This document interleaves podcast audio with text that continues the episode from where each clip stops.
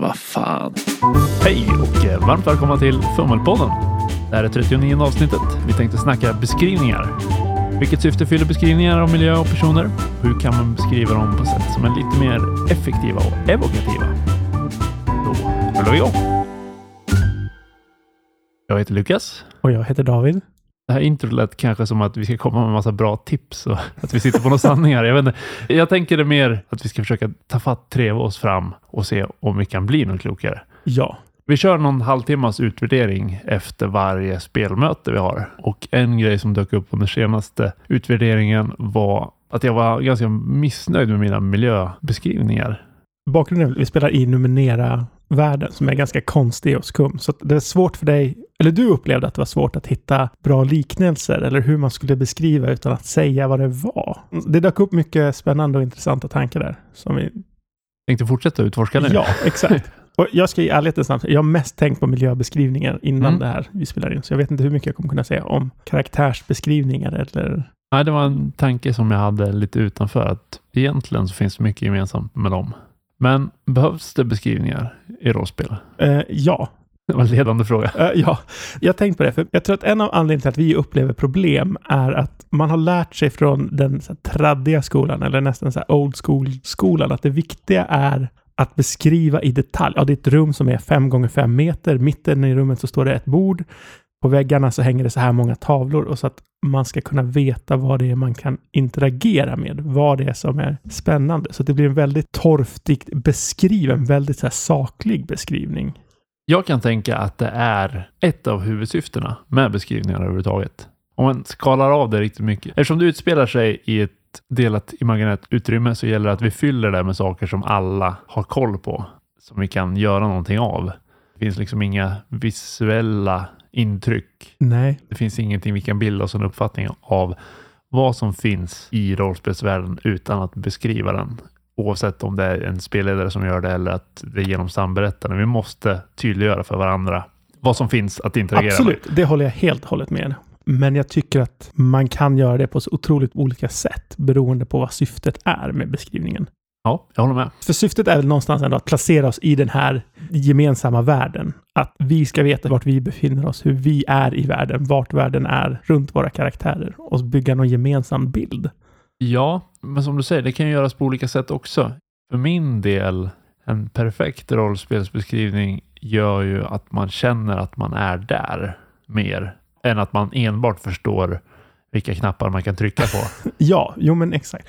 Och det är väl därför jag känner att den sortens beskrivningar som jag är uppvuxen med och har liksom lärt mig från början är ju den här så här ser rummet ut, här finns de här grejerna och de är placerade exakt så och så. Och det blir snabbt lite torftigt.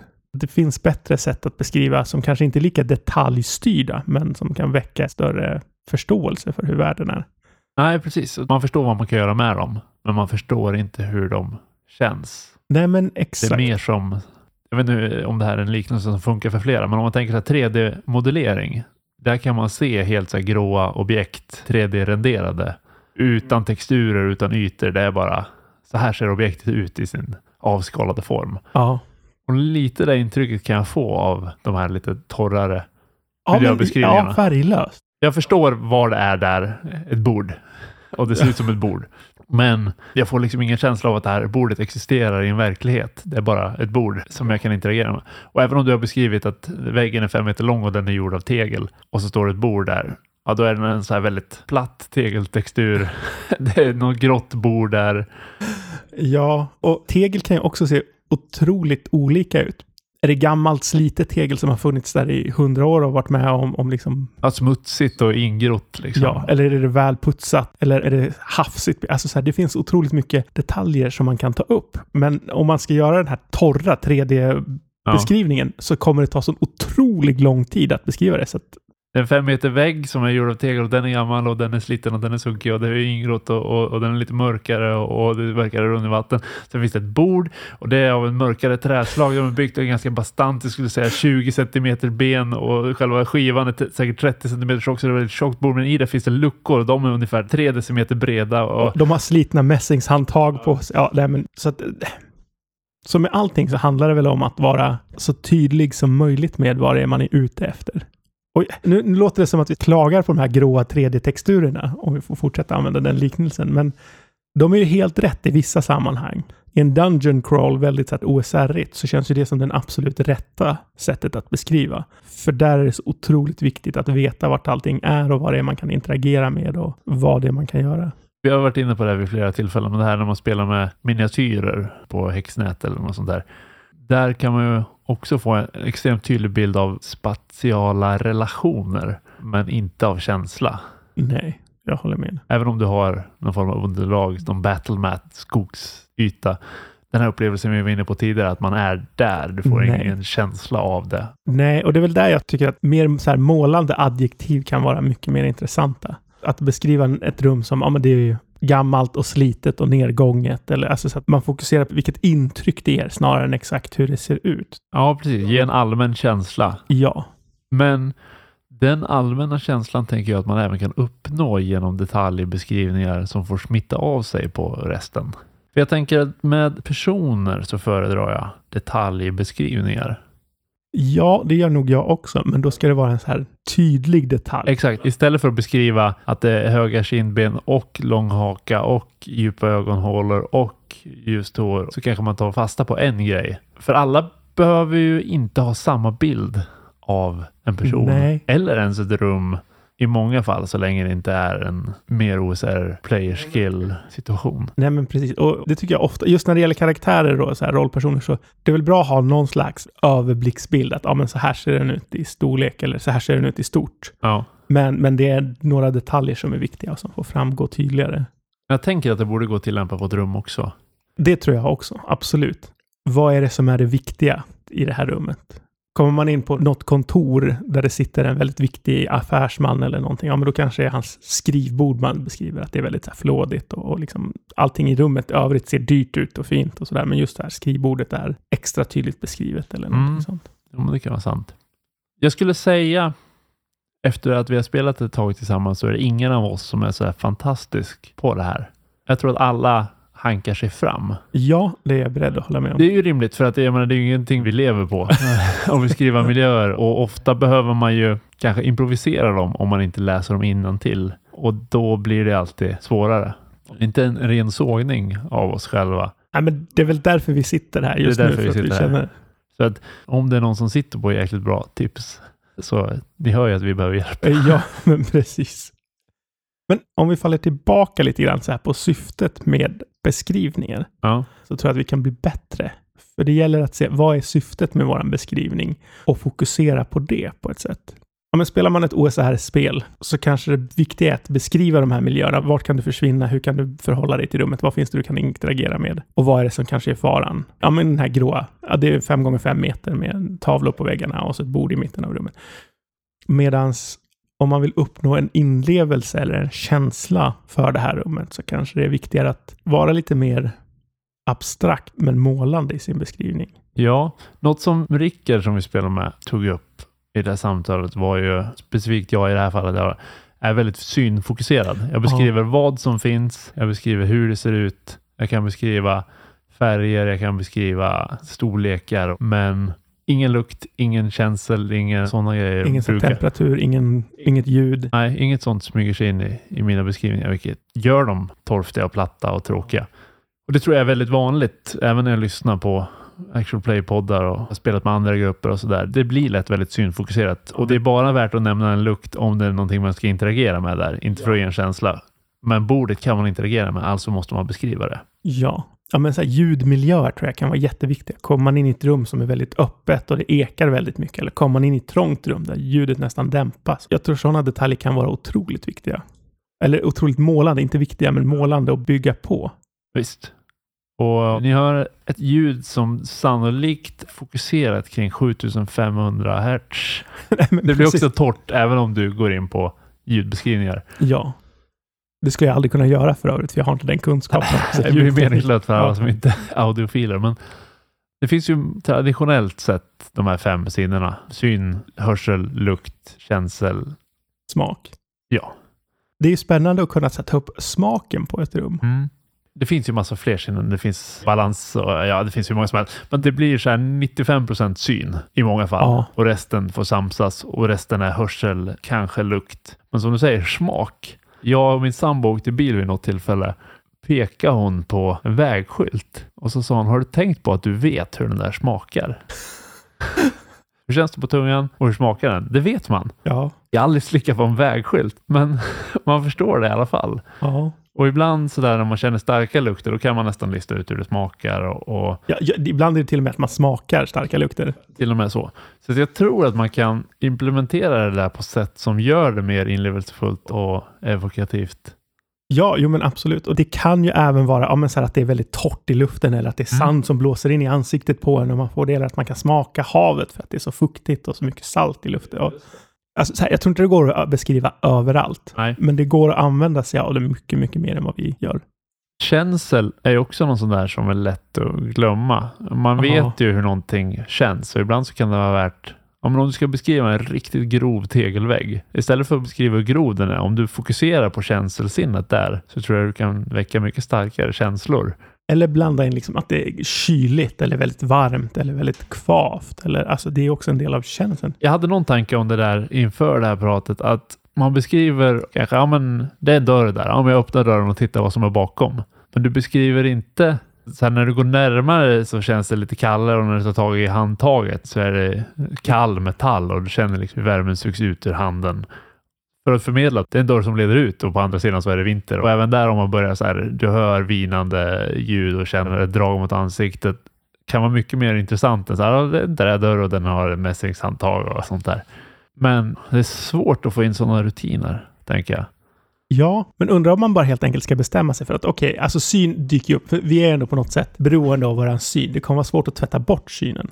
Men att medvetet tänka på okej, men jag ska blanda in något annat sinne.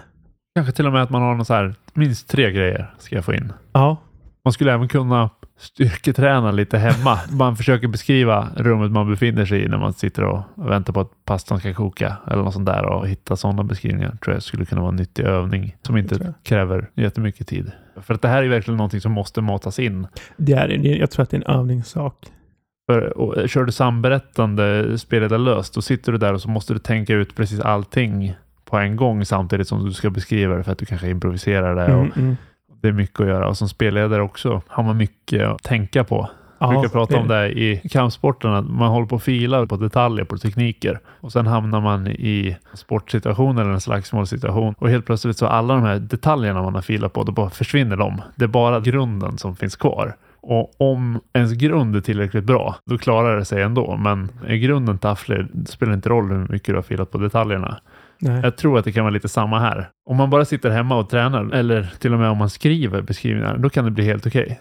Men sen när det är under lite press, då kommer du tappa bort de här nya detaljerna och då kommer du gå på känsla och då blir det ungefär som det var tidigare. Så länge Ja. du inte verkligen nöter in det om och om igen och aktivt försöker under de här pressade situationerna också. Ja, jag tror det också. Nu ska jag beskriva någonting, bara räkna på fingrarna. Okej, men synen har klarat något annat och sen något mer för sig själv. Att man får in det som en muskelrutin kan hjälpa. Jag tror det också. Och just att man börjar tänka på det också. Beskriva saker som bara inte är hur man ser det, utan hur man upplever det med andra sinnen. Jag tror träningen ger ett väldigt stort mervärde när det gäller intrycket där. Jag tror det. Vi har varit inne lite på tidigare att ja, vi hade något avsnitt om bra rollspelare och då tog vi inte upp någonting om att man skulle vara duktig på skådespela och sånt där. Och där har jag känt något slags motstånd att det är inte det i aktiviteten som jag tycker är huvudsakligt roliga för då hade jag hållit på med teater. Ska jag verkligen lägga massa tid på att träna mig teatralt för att bli en bättre rollspelare? Det har jag personligen inget intresse för.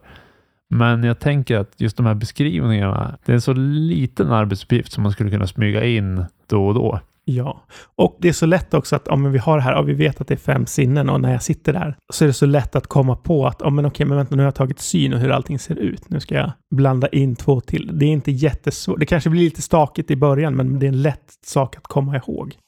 Ja, men det blir ju lite som att lära sig ett nytt regelsystem eller vad som helst. Att det är lite stakigt i början Ja, och sen till slut så lossnar det. Jag tror Ja. att det kan vara en idé att börja testa på.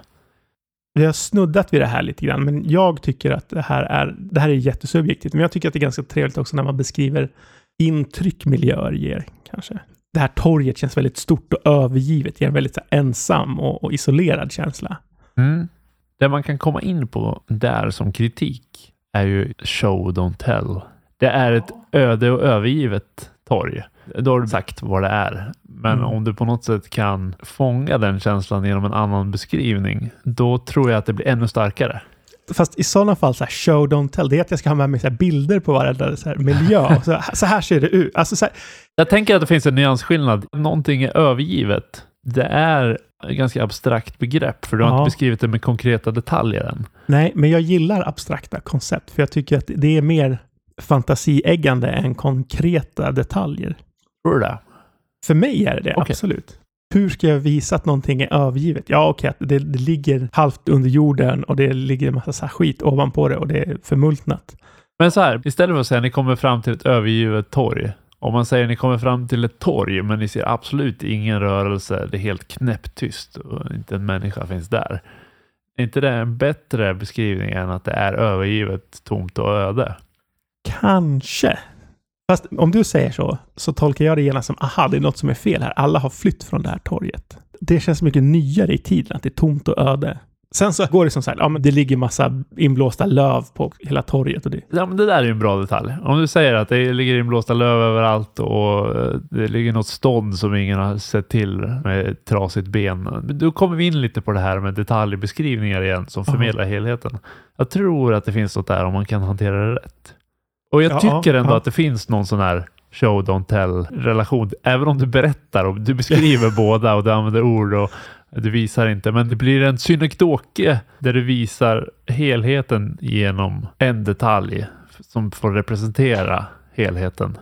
Jag håller med och jag håller nog inte med. Så här, jag tror det handlar om kontroll och kunna förmedla rätt sak för min del. Jag ser mig inte som tillräckligt skicklig för att kunna ge rätt känsla eller rätt detalj för allting i hastigheten eller vad man ska säga. Eller på improvisationen.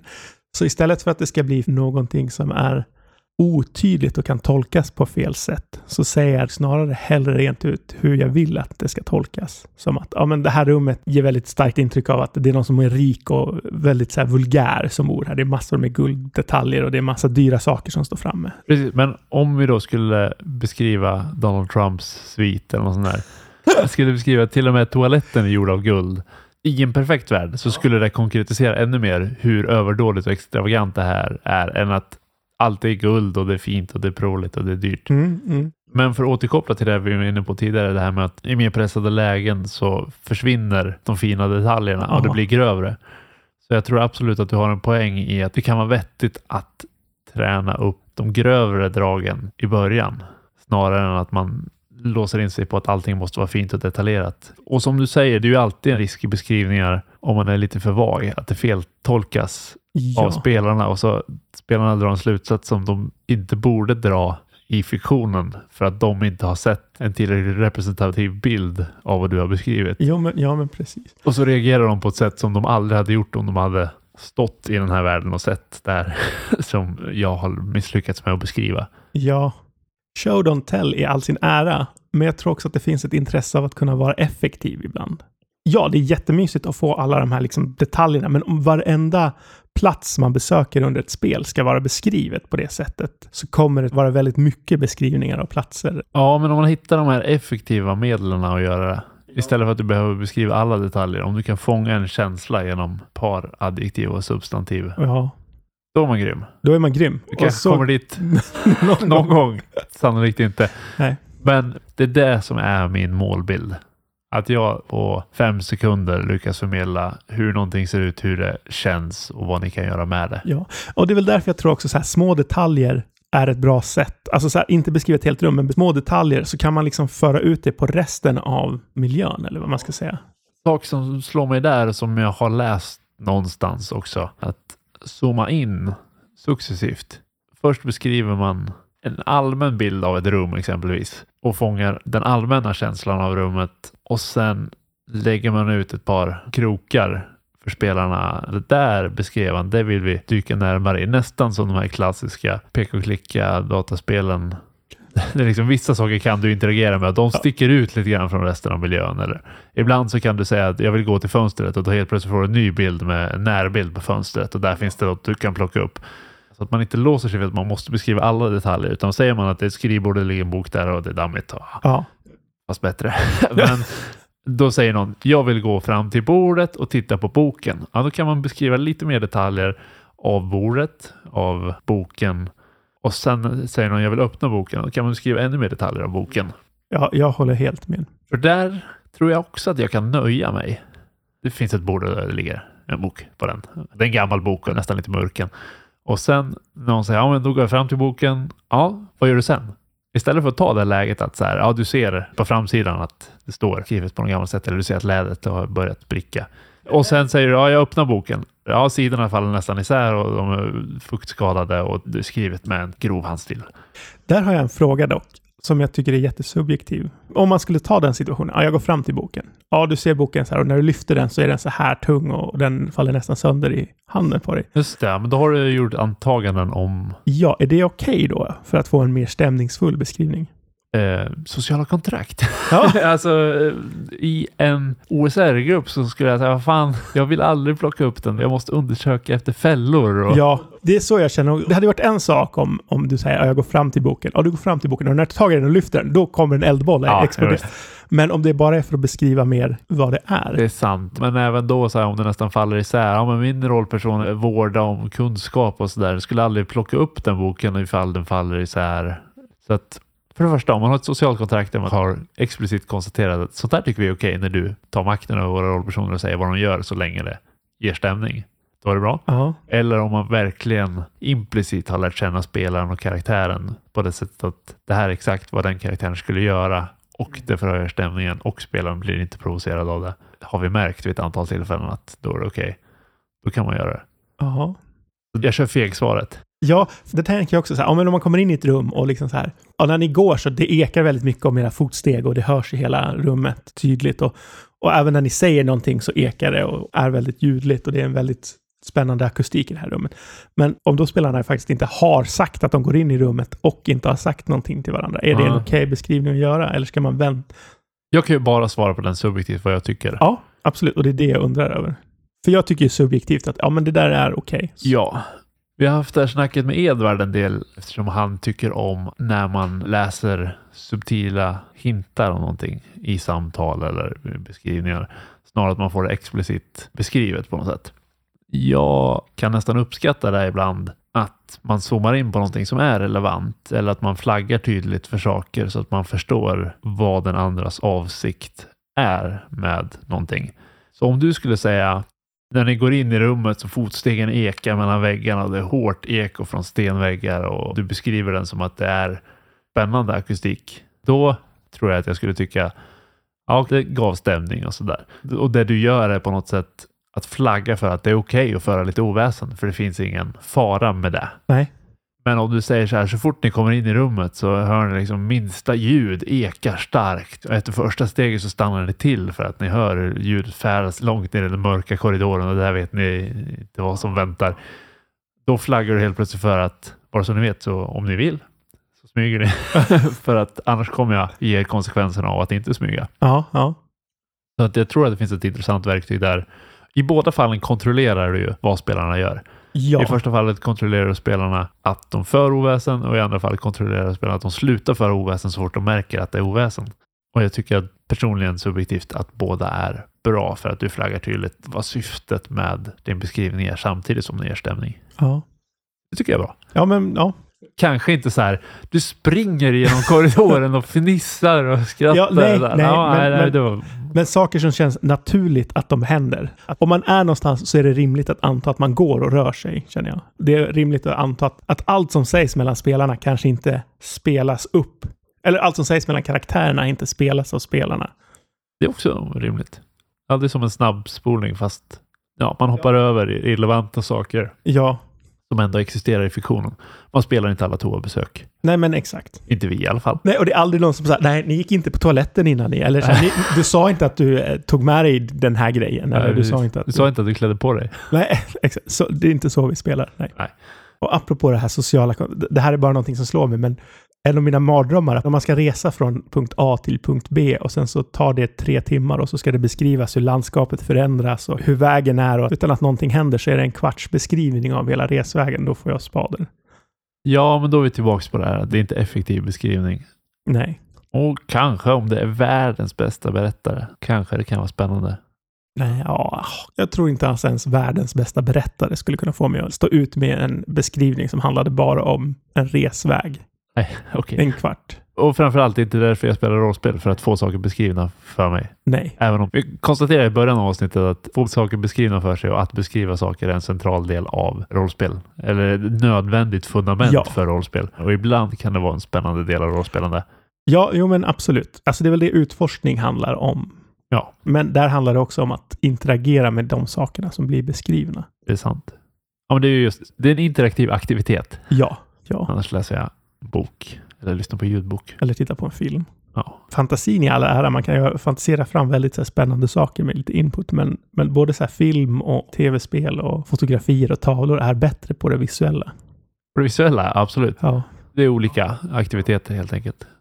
Jag satt och skissade lite innan på olika aspekter. Det jag tänkte då var att man skulle kunna beskriva allmän färgton på ett rum eller en person och en kontrastfärg. Alltså man håller sig till två färger. Det är lättare att föreställa sig en helhet än att man ska beskriva allt i färg. mm, mm, mm.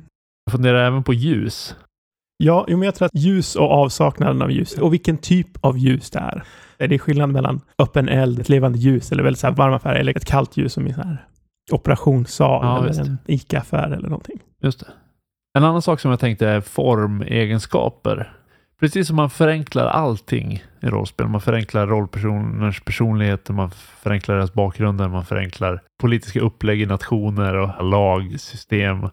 Man kanske skulle förenkla rum också. Alla rum är Att det inte fyrkantiga. är så här lika nyanserat. Nej, nej. För att det ska bli lättare att visualisera och föreställa Ja, sig. och det är väl där jag tänker att så här, små detaljer som får liksom sprida sig ut över hela rummet är en, en bra del där. För man kan inte beskriva allt i detalj. Men, Det är sant. Och nu har vi sagt så här rummet hela tiden, men jag menar väl inte bara rum utan naturmiljöer eller Du kan ju använda det där på personer också, tänker jag. ja, Ska man få in alla saker som är diskuterat, då blir det en jobbig beskrivning att lyssna på. Det är inga detaljer som sticker ut, utan det är bara en lång jäkla monolog. ja, Så att hitta de här effektiva beskrivningar och, och fokusera på det som är relevant och fokusera på det som ger mest stämning som man möjligen kan hitta är väl den optimala vägen att gå för just mig i alla fall. Ja, men jag tror det också. Men jag tror det jag försöker ta med mig är använd fler sinnen, håll räkningen och få in tre. Ish. Ja, ja, men jag tror det. En tanke för mig också är att försöka tänka efter vilken känsla är det det här rummet förmedlar. Övergivenhet eller vulgaritet eller vad det nu är. Och sen hitta detaljer som kan beskriva den utan att säga den rakt ut. Ja. Öva mycket istället för att hålla på och fippla med telefonen. Kolla Facebook så skulle jag kunna lägga den tiden på att försöka beskriva rummet jag är i eller personen jag träffar.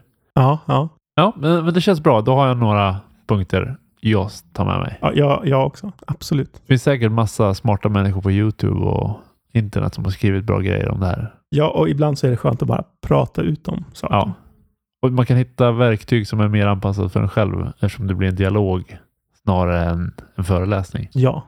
Men med det sagt så tycker jag att det vore spännande om folk har tips och saker som jag har missat så hör av er. ja. Och, ja, Ha det bra. tack för idag. Du har lyssnat på Fummelpodden som presenteras i samarbete med Studiefrämjandet. Du får gärna gilla vår Facebook-sida eller kanske följa oss på Instagram. Länkar finns i avsnittsbeskrivningen.